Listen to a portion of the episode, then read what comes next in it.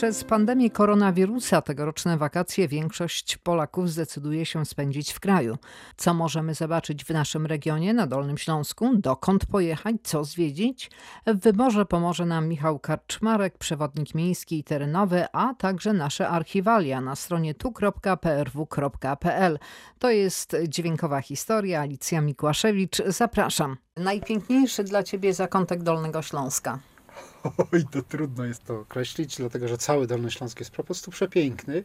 Bez względu na porę roku, porę dnia, no chyba od nastroju zależy, gdzie pojedziemy i co zobaczymy. Masz takie ulubione miejsce? Kilka mam, bo to nie można powiedzieć, że to jest jedno jedyne.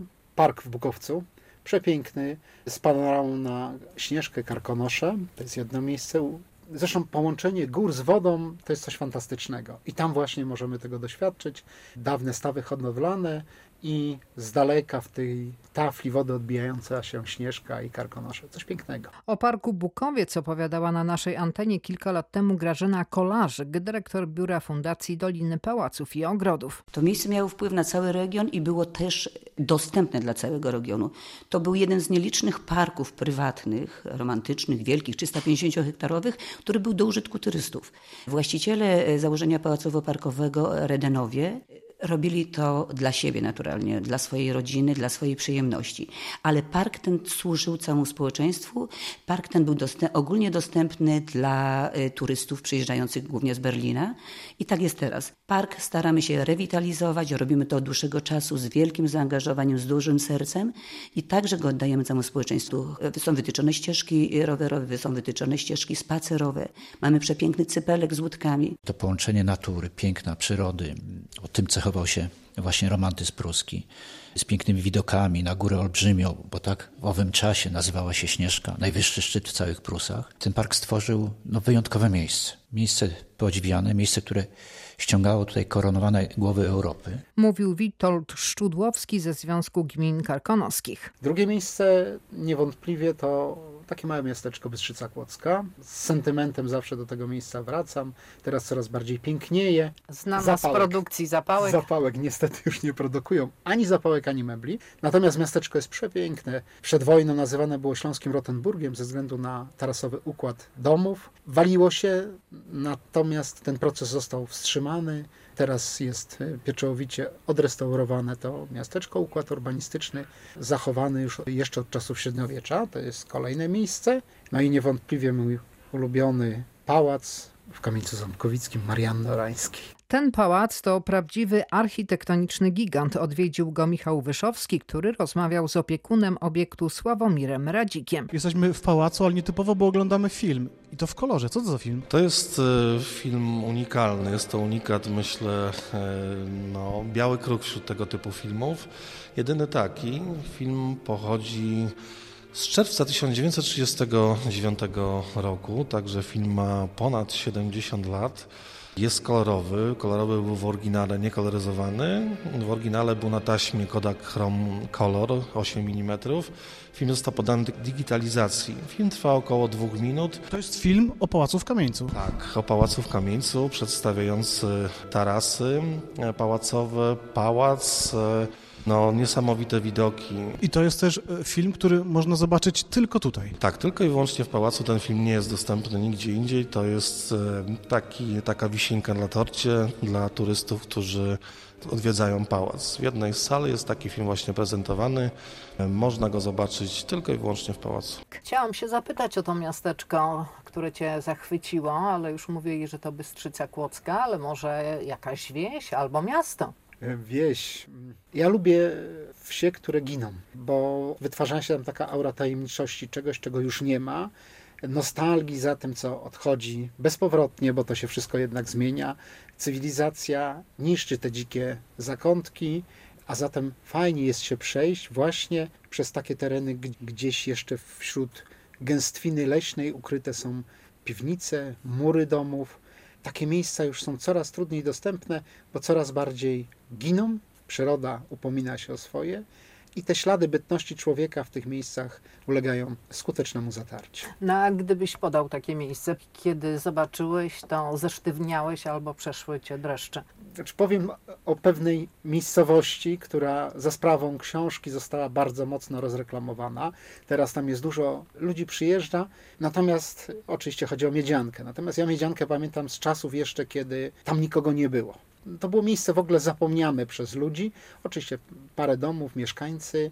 Ja tam ile razy tamtędy przejeżdżałem, rowerem po górach jeżdżę, to zawsze jakiś taki niepokój mi towarzyszył.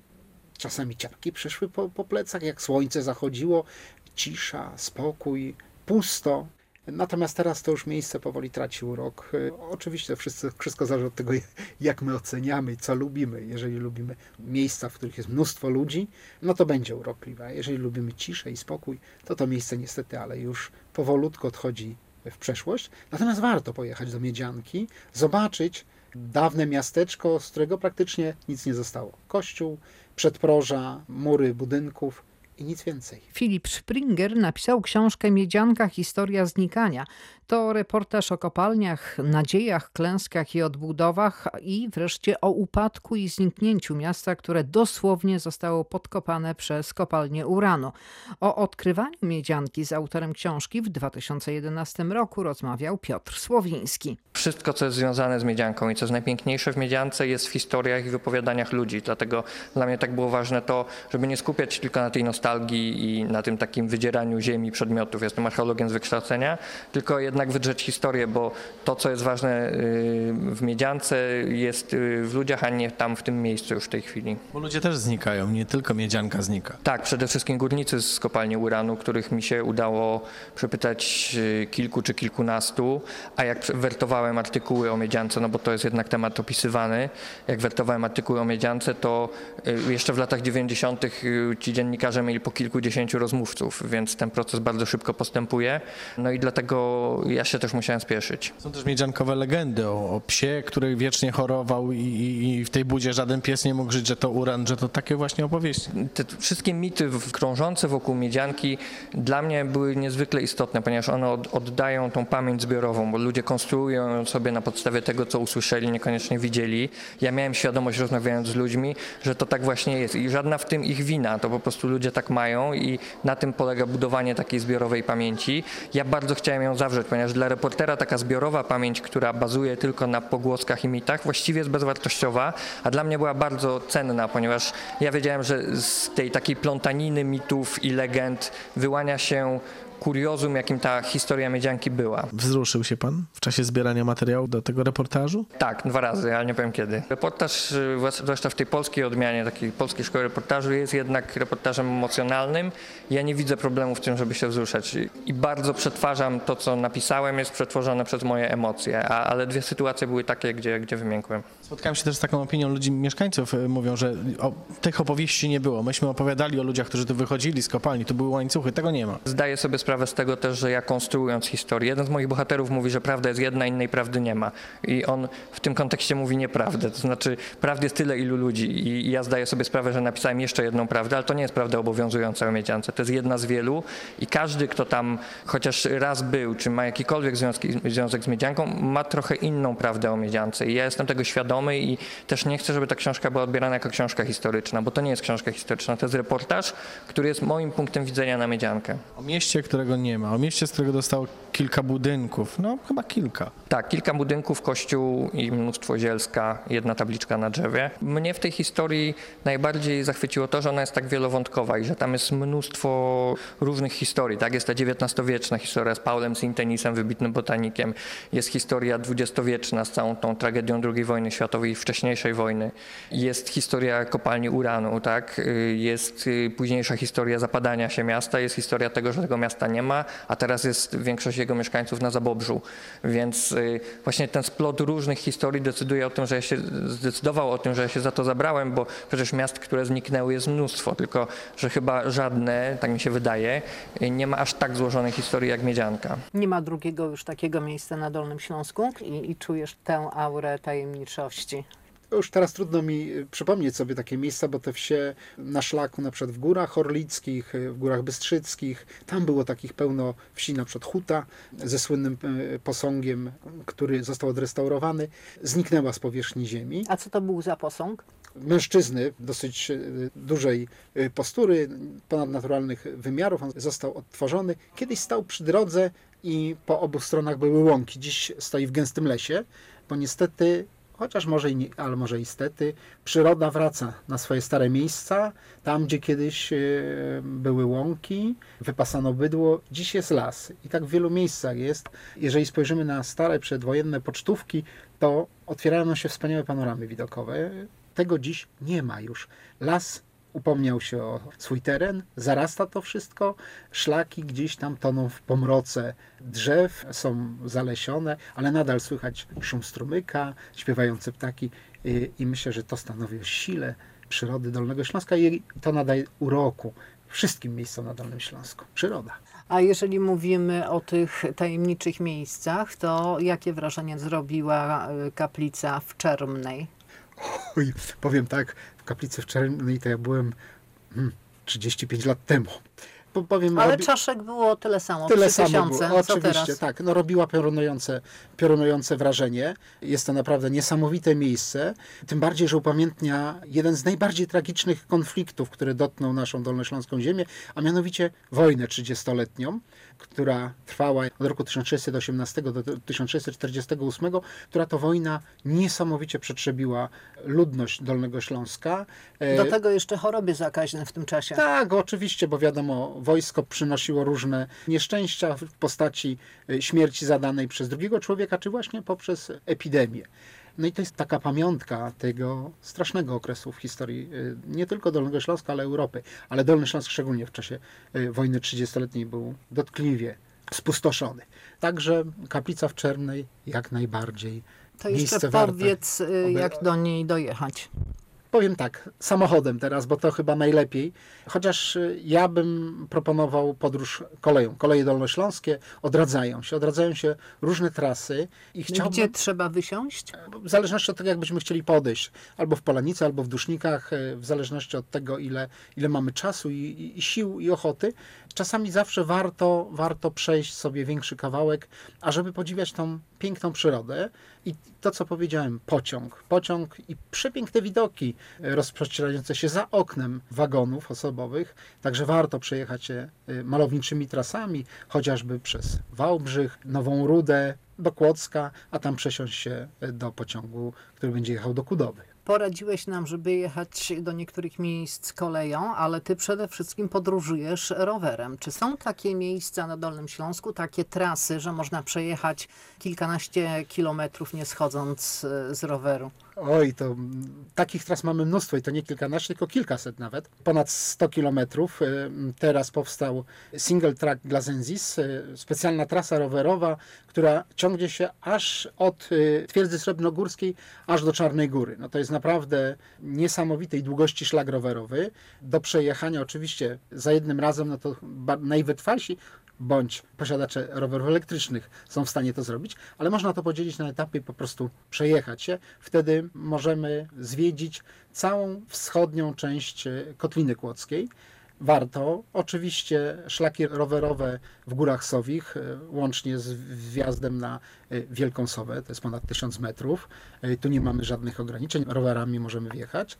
No i oczywiście okolice Świeradowa, Zdroju, Szklarskiej Poręby, no Jelenia Góra i okolice to takie zagłębie rowerowe. I nie będzie problemu ze znalezieniem spania i jedzenia. Nie, teraz infrastruktura turystyczna jest bardzo rozwinięta. Ja bym w ogóle polecał szlak pałaców i zamków. Na Dolnym Śląsku jest ich mnóstwo. Warto wybrać się. Ponoć ktoś policzył, że najwięcej w Polsce. To jest takie województwo, taki region. Zdecydowanie tak. Z tymi monumentalnymi budowlami, y, wspomnianym przeze mnie kamienicem ząbkowickim. No, o książu nie będę wspominał, bo to wszyscy książ znają, ale warto też i pojeździć. Ale na chwilę tam wejdziemy. Tam czeka na nas przewodnik Maciej Meissner i nasz reporter Michał Wyszowski. Zamek to ponad 150 tysięcy metrów sześciennych kubatury. Liczy ponad 400 pomieszczeń. W sobie sobie ma ponad 50 kominków. Ta liczba kominków została zmniejszona w czasie II wojny światowej, bo tych kominków było ponad 200. Do tego działały piece kaflowe. Natomiast książ ktoś kiedyś policzył, że jest tak duży jak ponad 300 domków jednorodzinnych. Bo to też jest taki dowód na to, że kiedyś to ludzie mieli fantazję, prawda? Rozbudowywali ten zamek jak szaleni. No zgadza się. Szczególnie takim wielkim budowniczym Zamku Książ był ostatni właściciel, który powiększył go praktycznie dwukrotnie. No i wprawdzie doprowadził zamek do świetności, ale samą rodzinę doprowadził, można powiedzieć, do ruiny. Czy panu udało się już poznać wszystkie tajemnice, wszystkie zakamarki tego zamku? Wydaje mi się, że tak, chociaż rozum podpowiada, że nie. Siedzimy w najsłynniejszej sali tego zamku, w sali Maksymiliana. Wraz ze mną Magdalena Woch. Tenże randol, pod którym siedzimy, to długo trwało jego czyszczenie? Czyszczenie tego żyrandola może samego nie trwa za długo, natomiast cały proces jest bardzo skomplikowany. Chodzimy na trzecie piętro i nie jest to wynalazek nasz, to jest wynalazek jeszcze z czasów Hochbergów. Otwieramy w sali, która znajduje się dokładnie nad salą Maksymiliana, klapę w podłodze, y, nawijamy ten żyrandol na taki specjalny wałek i na tym wałku żyrandol opuszczany jest na podłogę sali Maksymiliana. Tutaj następuje proces czyszczenia, proces konserwacji nierzadko i na tym samym wałku żyrandol wciągany jest z powrotem na odpowiednią wysokość. Dzisiaj to my jesteśmy atrakcją, siedzimy na 300-letnich Ludwikach i ludzie patrzą na nas, co my tutaj robimy, ale to turyści zwykle pytają o te ciekawostki, osobliwości związane z książem. choćby takie urządzenie jak centralny odkurzacz. W każdym pomieszczeniu niemalże w zamku znajdował się wlot, do którego w ścianie, do którego podłączano rurę ze szczotką i służące, które tu pracowały. A ja przypominam, że dla pięcioosobowej rodziny Hochbergów pracowało tutaj dzień w dzień w budynku zamkowym 300 służących. Panie służące tym udogodnieniem odkurzały ogromne e, przestrzenie zamkowe. Aż się prosi zapytać, czy ten odkurzacz jeszcze działa. Nie próbowaliśmy. Pozostały tylko dwa takie y, wloty w ścianie. Bardzo o nie dbamy, pokazujemy turystom jako pewnego rodzaju ciekawostkę, bo chyba warto. Nie ma drugiego takiego zamku na Dolnym Śląsku, który gościłby tyle wyjątkowych osób. Tutaj byli przedstawiciele rodzin cesarskich, królewskich, innymi Hohenzollernów, Habsburgów, Romanowów.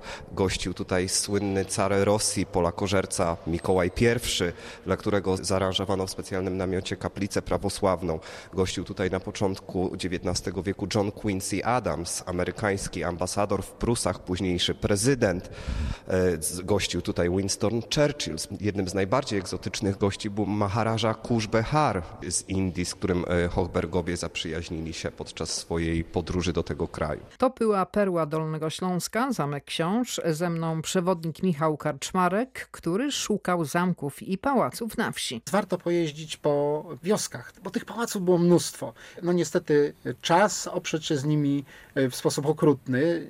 Te niektóre ocalały, na przykład w Kotlinie Jeleniogórskiej, zwanej Doliną Pałaców i Ogrodów, z przepiękną historią. Natomiast y, tutaj, przed górze, y, przed górami y, Sowimi, Owiesno czy zamek Szynkla Kluczowej. Szynkl zaprojektował y, również pałac w Kamienicy Ząbkowickiej, przepraszam, w Kluczowej też pałac. To nie zamek, bo XIX-wieczny jako rezydencja, można powiedzieć, mieszkalna. Także dwie budowle Karla Ferdynanda Schinkla, wybitnego niemieckiego architekta, mamy. No, w Kamienicy Ząbkowickim trwają prace restauracyjne, natomiast w Kluczowej niestety pałac się wali i w coraz gorszym stanie jest. Natomiast w Owieśnie przepiękny, no niestety też w ruinie, ale zamek wybudowany na planie koła. Fundacja Chudów zajmuje się teraz tą ruiną, a biorąc pod uwagę kolejną taką ciekawostkę, która, która na Dolnym Śląsku jest, czyli wieżę rycerską w Siedlęcinie, to jest też ewenement na skalę europejską. Dlaczego? No, znajduje się słynne malowidło średniowieczne, które przedstawia legendę o Lancelocie. Także warto się wybrać do Siedlęcina. To jest y, bliziutko Jeleniej Góry, przejechać, też malownicza trasa, samochodem bez problemu można się dostać i do Siedlęcina zajść, zobaczyć te średniowieczne wielkie malowidło, a i samą wieżę rycerską, bo zazwyczaj rycerze nam się kojarzą z zamkami, ale w większości jednak nie byli aż tak bogaci, żeby wznosić wspaniałe średniowieczne rezydencje. Budowali skromne wieże obronne i obok nich obejście, gdzie była trzymana trzoda ch- chlewna, bydło, no, dająca rycerzowi też i utrzymanie, bo rycerze nie tylko się utrzymywali z walk, ale także przede wszystkim z uprawy roli. A jeszcze wróćmy na chwilę do tych tajemniczych miejscowości i miejsc. Krzywa wieża Frankensteina. W Ząbkowicach Śląskich. Tak, oczywiście. Prawdopodobnie e, w wyniku trzęsienia ziemi przekrzywiła się. Natomiast same Ząbkowice Śląskie w, A w którym to było wieku? w XVI jest 2 metry i 15 centymetrów odchylone od pionu. Także To bardziej niż ta w Toruniu i No. w Pizie. o, w Pizie nie, no w Pizie to nie do, nie do pobicia, ale po co jechać do Pizy, jak możemy pojechać do Ząbkowic Śląskich, które stanowiło wspaniałe miejsce e, wypadowe. Sięgamy znów do naszych archiwów na stronę tuprw.pl i posłuchajmy o dziejach miasta Frankenstein, czyli teraz Ząbkowic Śląskich. Dwa miasteczka właśnie nazywały się. No jest to jedna z hipotez oczywiście, to co w tej chwili powiem. Mianowicie Kiedyś nazywał się Frankenberg. Natomiast y, Kozieniec nosił nazwę Löwenstein.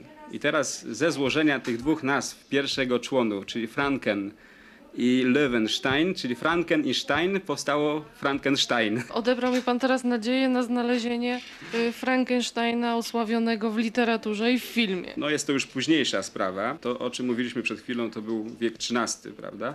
Druga połowa wieku XIII, wtedy zresztą większość miast śląskich powstała. Była lokowana na tak zwanym prawie niemieckim według wzoru Magdeburga.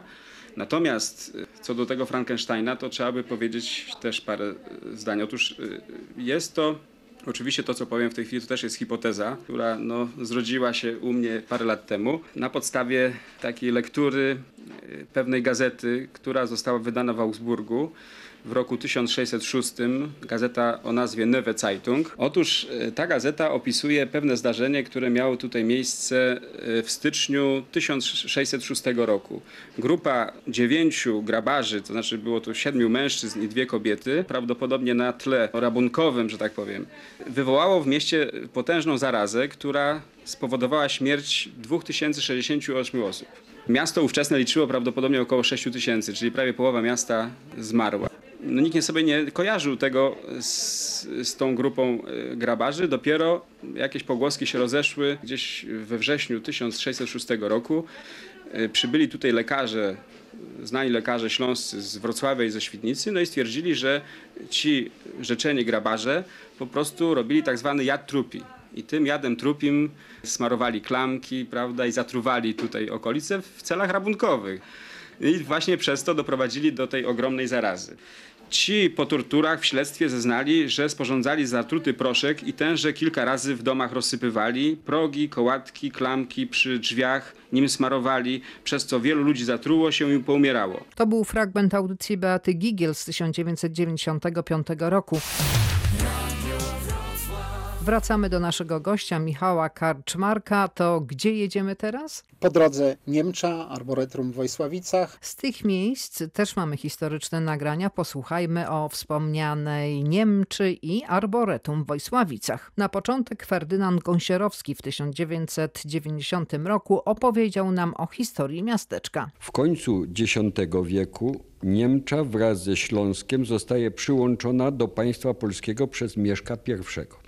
Od wieków związana z handlowym szlakiem północ-południe zwanym szlakiem bursztynowym Włochy, Wiedeń, Niemcza, Wrocław, Gdańsk. Sławę i trwałe miejsce w historii przyniosła jej skuteczna obrona grodu w 1017 roku, w czasie wielkiego najazdu armii Cesarstwa Niemieckiego na Polskę.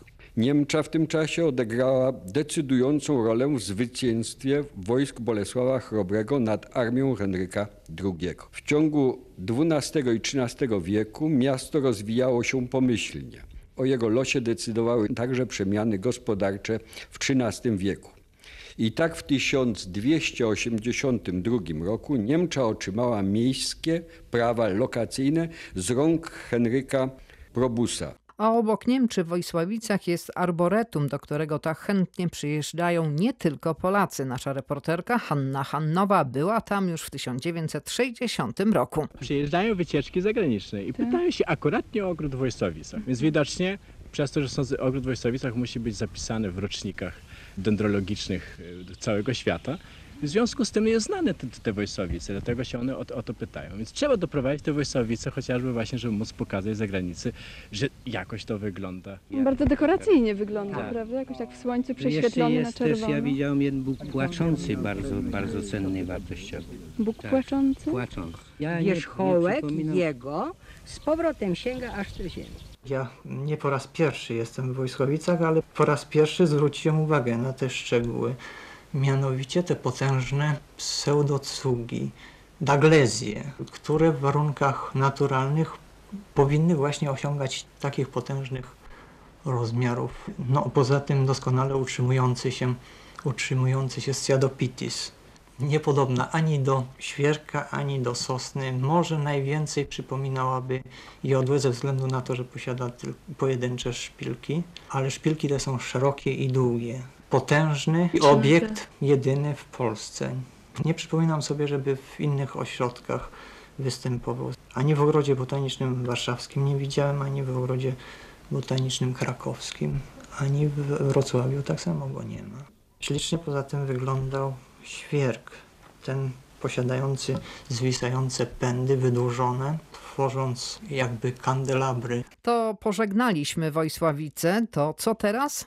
Gola Dzierżoniowska. Warto zajechać. A co tam jest? A tam jest dwór zwany pałacem, troszeczkę na wyrost, ale tam panie to w szczególności powinny pojechać, być zaproszone przez swoich partnerów, bo tam jest spa, e, z takim ekskluzywnym gabinetem kosmetycznym, także można wypocząć, można sobie pooglądać wspaniałe, wspaniałą rezydencję wiejską taką, a i przy okazji urodę swoją poprawić. Tylko za ile? To jest mały właśnie problem. Ale to jest też fajne miejsce, chociażby tylko po to, żeby obejrzeć sobie. No ale wracając do, wracając do Ząbkowic Śląskich, bo tam niektórzy mówią, że to Mary Shelley właśnie inspirowała się nie, nazwą Ząbkowic Śląskich, natomiast oczywiście to jest, że tak powiem, daleko idące nadużycie. Natomiast sama miejscowość z zamkiem, ruinami zamku, to warto zobaczyć. No i przede wszystkim to, co mówię, warto patrzeć na przyrodę. Przepiękne widoki gór kłodzkich, barckich i gór sowich. Właśnie stamtąd to wszystko widać. Pewnie najlepiej widać z Wielkiej Sowy, którą parę lat temu zdobył nasz reporter Michał Wyszowski. Witamy, jesteśmy na Wielkiej Sowie, nieco zmachani, bo to jednak y, ile metrów? 1015 metrów nad poziomem morza, no i została nam jeszcze wieża widokowa do zwiedzenia, także 25 metrów. Wraz ze mną Sławomir Szel z Urzędu Miejskiego w Pieszycach. Jesteśmy w środku wieży, ale może chodźmy do góry. Ile to jest schodków? Stąd 94 schody, łącznie jest ich 128 razem z tymi ulokowanymi na zewnątrz. Historia tej wieży jest bardzo ciekawa, prawda?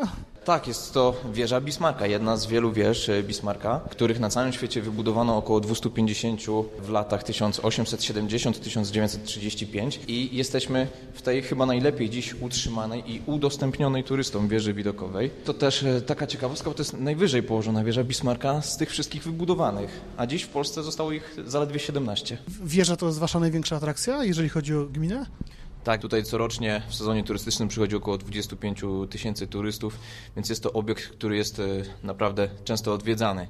Wynagradza ten trud wejścia na Wielką Sowę, na szczyt, widokami, jakie można stąd podziwiać. Tylko warunkiem jest oczywiście dobra pogoda, a stąd w górach różnie bywa. I ze szczytu udajemy się rowerem dokąd? Szlak rowerowy, który prowadzi do Srebrnej Góry, biegnący dawnym traktem kolejowym. No cóż, trzeba ubolewać, że tak wspaniała infrastruktura kolejowa została rozebrana. No teraz powolutku wracamy, ale to jeszcze za wolno się dzieje. Najpiękniejsze widoki skąd się rozciągają według Ciebie? Z którego miejsca? O tych miejsc to jest mnóstwo, bo to w zależności gdzie będziemy. Co pierwsze przychodzi do głowy? Kamień Ząbkowicki, widok z tarasu. Wiem dlaczego Marianna Orańska wybrała to miejsce, bo widok jest niesamowity. Góry Barckie, Góra Kłodzka i też już widać czeskie góry, bo to zaraz dosłownie chwila i jesteśmy już w Czechach, a zatem przepiękny widok z tarasu.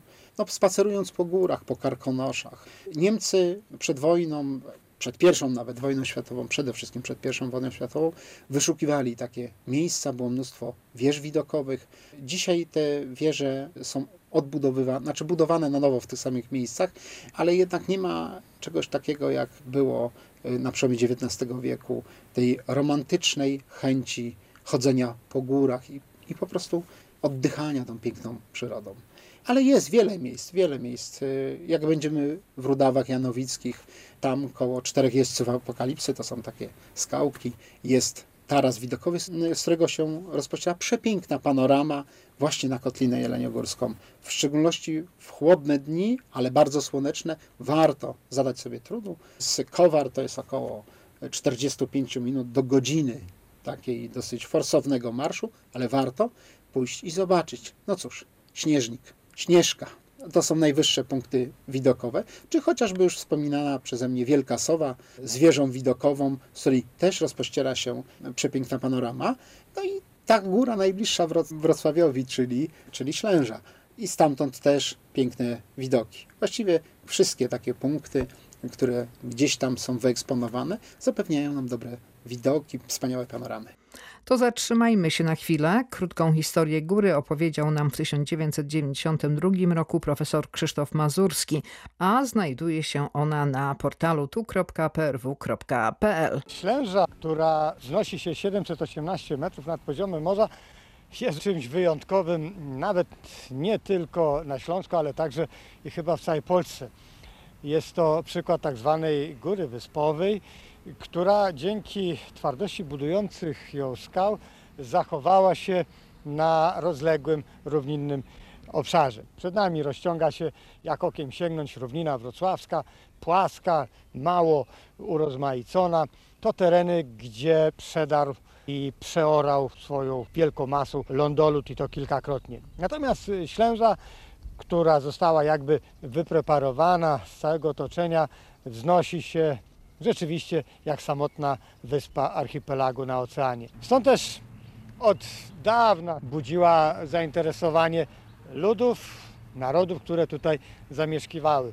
Tym bardziej, że była czymś w rodzaju piorurochronu, który powodował wyładowanie atmosferyczne właśnie na tym terenie. Nieprzypadkowo, jeśli dzisiaj nawet popatrzymy na Ślęże, to większość burz w rejonie Wrocławia czy, czy Dzierżoniowa zaczyna się właśnie nad Ślężą. Nie należy jednak myśleć, że Ślęża to tylko jeden, jedyny pagórek.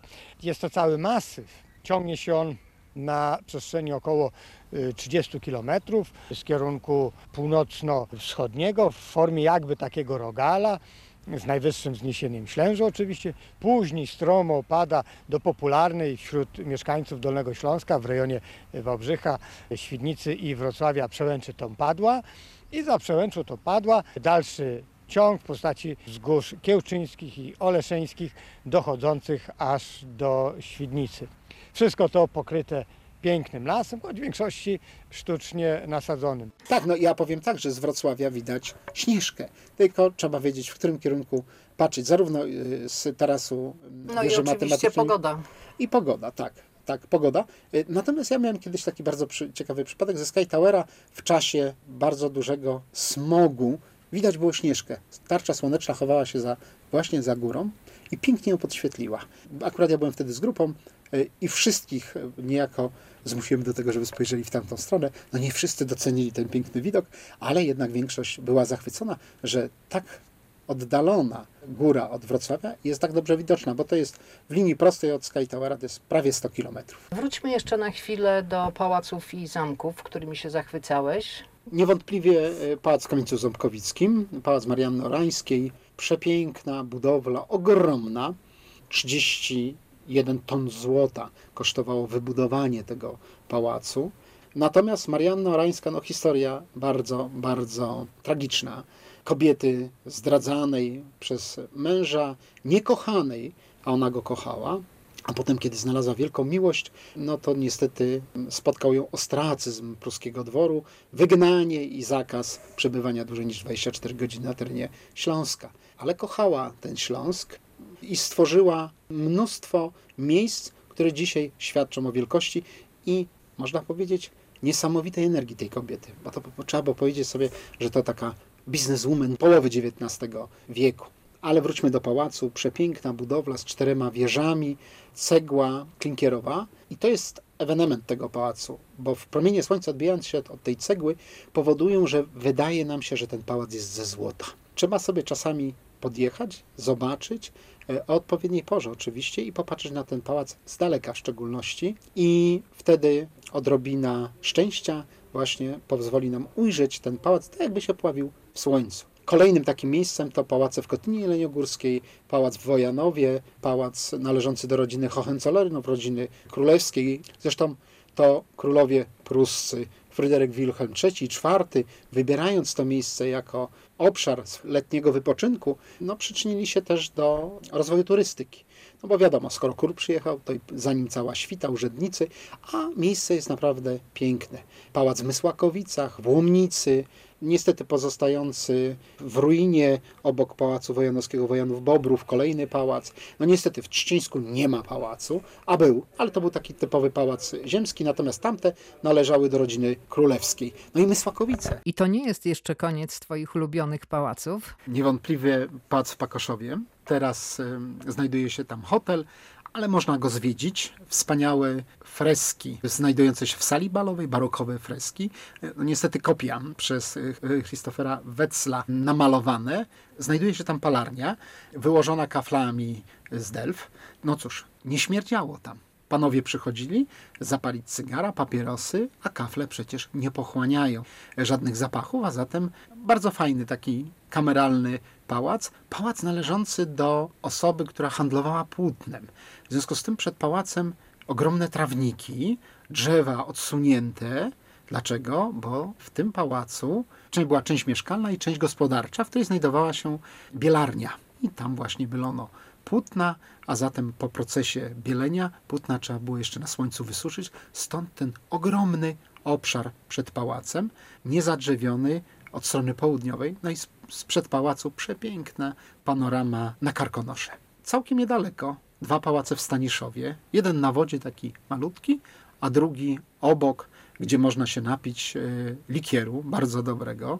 Zresztą Staniszów słynął z produkcji likieru. Teraz do tych tradycji wracamy. Woda bardzo dobra. Warto tam pojechać, skosztować sobie tego trunku, ale także pochodzić po parku w stylu angielskim, kompozycjami, naturalnymi kompozycjami skalnymi, no i pięknie ukształtowanym terenem pagórkowatym. No i później jedziemy dalej. Mysłakowice, dawna tyrolska wieś. Dziś o tym przypominają już nieliczne domy z charakterystycznymi balkonami i właśnie w Mysłakowicach pałac, od którego wszystko się zaczęło. Cała kariera Kotliny Jeleniogórskiej, czyli pałac y, króla Prus Fryderyka Wilhelma III, potem IV, którego sala balowa przypomina amerykański statek z Mississippi. Trzeba się przyjrzeć i wtedy można zobaczyć to. No a dalej Pałac w Łomnicy, Pałac w Wojanowie i Pałac w Wojanowie-Bobrowie. A stamtąd już niedaleko do Sokolików, gdzie nasza słynna Wanda Rutkiewicz stawiała pierwsze, pierwsze kroki. kroki. Czy jest takie miejsce, do którego ciągle wracasz? W każdej dekadzie swojego życia miałem takie miejsce, ale Dolny Śląsk jest tak bogaty, że ciągle coś odkrywam, a jak coś odkryję, to tam chętnie jeżdżę. To co odkryłeś ostatnio? Ostatnio Odra, Oława i Widawa. Przepiękne rzeki. tereny. Tak, rzeki, rzeki, no i oczywiście Bystrzyca. Dolina Bystrzycy, niesamowicie urokliwa. Niedawno widziałam, przyjeżdżałam, to taki strumyk się zrobił w porównaniu do czterech dekad temu. No niestety tak, y, mamy cały czas stan y, suszy hydrologicznej, stąd to w rzekach widać. Bo nam się wydaje, że te rzeki zawsze były takie, o tak płynęły sobie. A obok można zobaczyć ich stare koryta i odkrywanie tych starych koryt i tego wszystkiego, co z nimi związane, przyrody, zwierząt, jest fascynującą przygodą. Co jeszcze odkryłeś? Odkryłem pozostałości szwedzkiego obozu z wojny 30-letniej koło Pracz Widawskich. Patrząc z poziomu gruntu, trudno jest wychwycić to, ale jednak przy analizie chociażby zdjęć satelitarnych, jak spojrzymy na Google Maps, to widać zarys dawnego obozu. Obozu, gdzie stacjonowały wojska szwedzkie podczas wojny 30-letniej. Zachowane są relikty jeszcze wału obronnego i cały układ przestrzenny. I są drzewa, krzaczki, ale miejsce jest niesamowite, bo wszystkim szańce szwedzkie, no to na Osobowicach. Właściwie nie wiadomo, dlaczego te tak zostały nazwane, bo to niemiecka nazwa Szwedenszance. Natomiast Szwedzi stacjonowali koło Pracz Widawskich, to jest potwierdzone w materiale źródłowym i pozostałości tego szwedzkiego obozu są.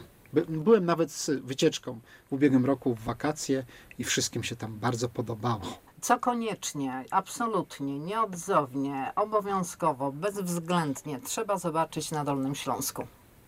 Trudne pytanie, bo tych budowli i miejsc jest mnóstwo, ale dobrze, to powiem tak. Jeżeli jesteśmy w kościółku Wang, pojedźmy sobie do Bukowca. Hrabina von Royce która przyczyniła się do tego, że Wang jest w tym miejscu, w którym jest. W Bukowcu miała przepiękny, romantyczny park. Założyła go zresztą z mężem. Warto po tym parku pochodzić, tym bardziej, że jest teraz odrestaurowany, a sam Bukowiec odzyskuje blask. Więc na pewno to. Dolina Pałaców i Ogrodów, czyli pałace w Wojanowie, w Łomnicy, w Mysłakowicach, w Staniszowie, także warto te pałace obejrzeć. No niewątpliwie mój numer jeden, czyli Pałac Marianny Orańskiej w Kamieńcu Ząbkowickim. Warto pojechać też do Międzygórza. A co tam jest? Architektura taka, przypominająca architekturę alpejską, domki. Oczywiście mnóstwo nowych budynków jest wznoszonych, ale jednak Międzygórze zaczyna od, odżywać. I te stare domki z XIX wieku są odrestaurowane pieczołowicie. Oczywiście nie wszystkie, ale sama miejscowość jest bardzo taka taka przyjemna. No niestety z ubolewaniem stwierdzam, że Sokołowsko niestety bardzo, bardzo jest zniszczone, ale warto do Sokołowska pojechać i jeden obiekt zobaczyć. Cerkiew, która tam stoi, a została wzniesiona dla Rosjan, którzy przyjeżdżali leczyć się właśnie w tej malutkiej miejscowości. Troszeczkę po górach warto twierdzę srebrnogórską, kłodzką zobaczyć, i po drugiej stronie mamy słynny Walin, Osówka czy Ludwikowice Kłodzkie. Też ruiny, no już coraz ich jest mniej, ale jednak, jednak warto tam szlaki przemierzać. No, Wielka Sowa oczywiście, Śnieżnik. No o Śnieżce nie wspomnę, ostatnio jest... Bo tam tłumy. Tam są niestety, niestety są tłumy. Niestety są tłumy. Także to są te, te miejsca. A z urokliwych miasteczek to niewątpliwie Niemcza, wspomniana przeze mnie Bystrzyca Kłodzka. Natomiast w Kotlinie Jeleniogórskiej, czy jadąc tam, warto czasami pojechać bocznymi drogami, nie tą główną, zwolnić i podziwiać piękne widoki. Ciechanowice, to koło niedaleko Mniszków, niedaleko Miedzianki, też fajne takie małe miejscowości, które zachowały jeszcze ten taki dawny urok tych osad podgórskich. I teraz specjalne zadanie na koniec dla Ciebie. Jak zaplanowałbyś urlop dla wrocławianina na Dolnym Śląsku? To zależy, ile by miał czasu. Ale... Tydzień. Tydzień, tak? znaczy, poleciłbym na przykład eskapadę rowerową wraz i poruszanie się kolejami dolnośląskimi, bo jest to możliwe, żeby rowerem zwiedzić Kotlinę Lenogórską, Kotlinę Kłodzką, a nawet pokusić się o objazd taki. O ile kilometrów? A to wszystko zależy, którędy byśmy jechali, ale... No oczywiście śpiąc i jedząc, No myślę, że to byłoby około, o, około no, 200 do 300 kilometrów. A dla tych, którzy nie lubią jeździć albo nie Rowerem? mogą? No to samochód, oczywiście, samochód, przejechać się po całym Dolnym Śląsku, ale nie tylko, bo ja tutaj wspominam o tych terenach górzystych, ale Bory Dolnośląskie, przepiękne tereny, gdzie Park można... Przemkowski. Tak, oczywiście. Natomiast jeżeli ktoś by chciał tak sobie stacjonarnie posiedzieć, Tydzień. e, tydzień, Kotlina Kłodzka i Kotlina Jeleniogórska, tam naprawdę jest co zwiedzać. Mówiliśmy z perspektywy wrocławianina, co można zobaczyć na Dolnym Śląsku, a teraz odwróćmy rolę i co Dolnoślązak może zobaczyć, czy powinien koniecznie, obowiązkowo, nieodzownie zobaczyć we Wrocławiu. No niewątpliwie takie dwa standardowe miejsca to wrocławski rynek, żyjący 24 godziny na dobę, no może z krótką przerwą na sen.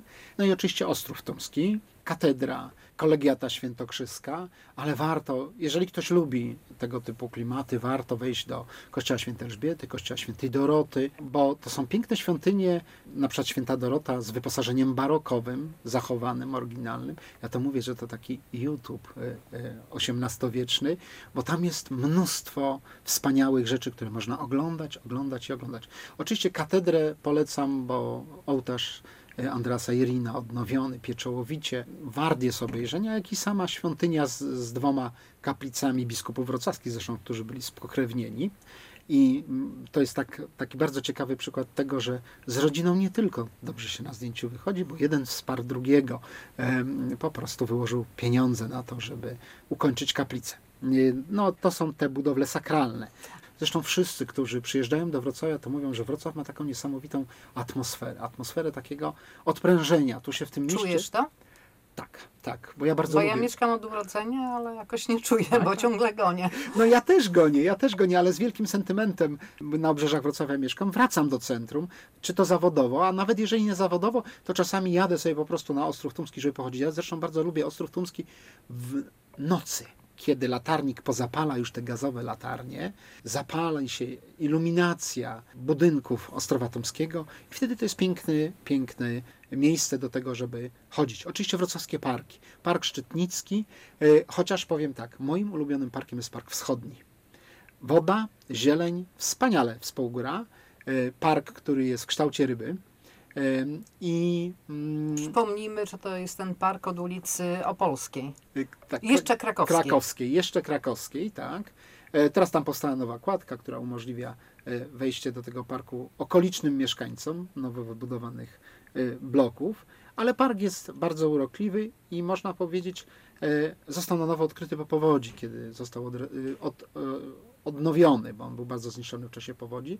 E, Natomiast trzeba ubolewać, że nie ma już basenu, bo koło tego parku był basen, e, były boiska sportowe, no to wszystko teraz niestety e, na obrzeżach parku zostało no, zdewastowane. Natomiast Jeszcze jakieś 10-15 lat temu były boiska.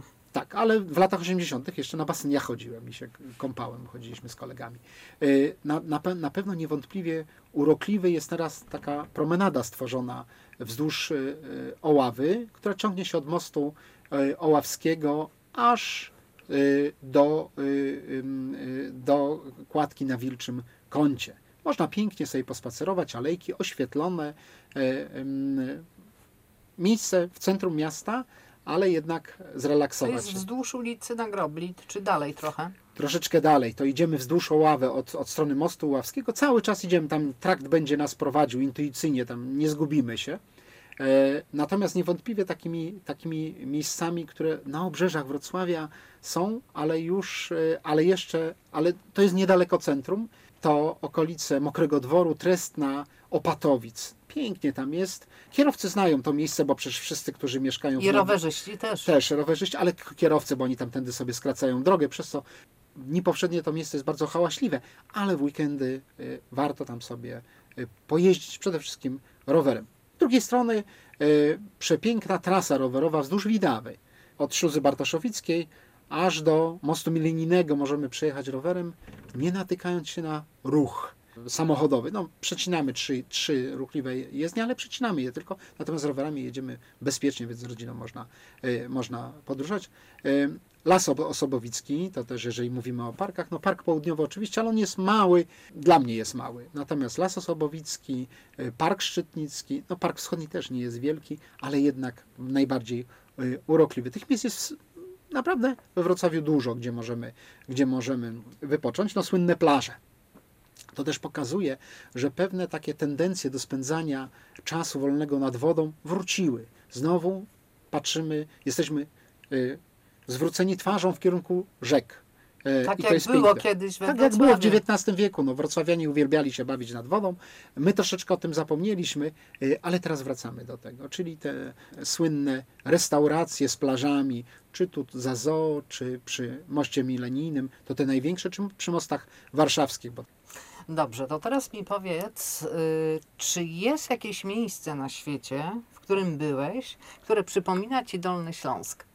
Powiem tak, y, Szwajcaria saksońska, y, Saksonia, y, no tam, tam y, troszeczkę tak y, można, można, można sobie tak właśnie to skojarzyć z Dolnym Śląskiem. Natomiast generalnie ten, ten Dolny Śląsk jest jedyny i wyjątkowy niepowtarzalny.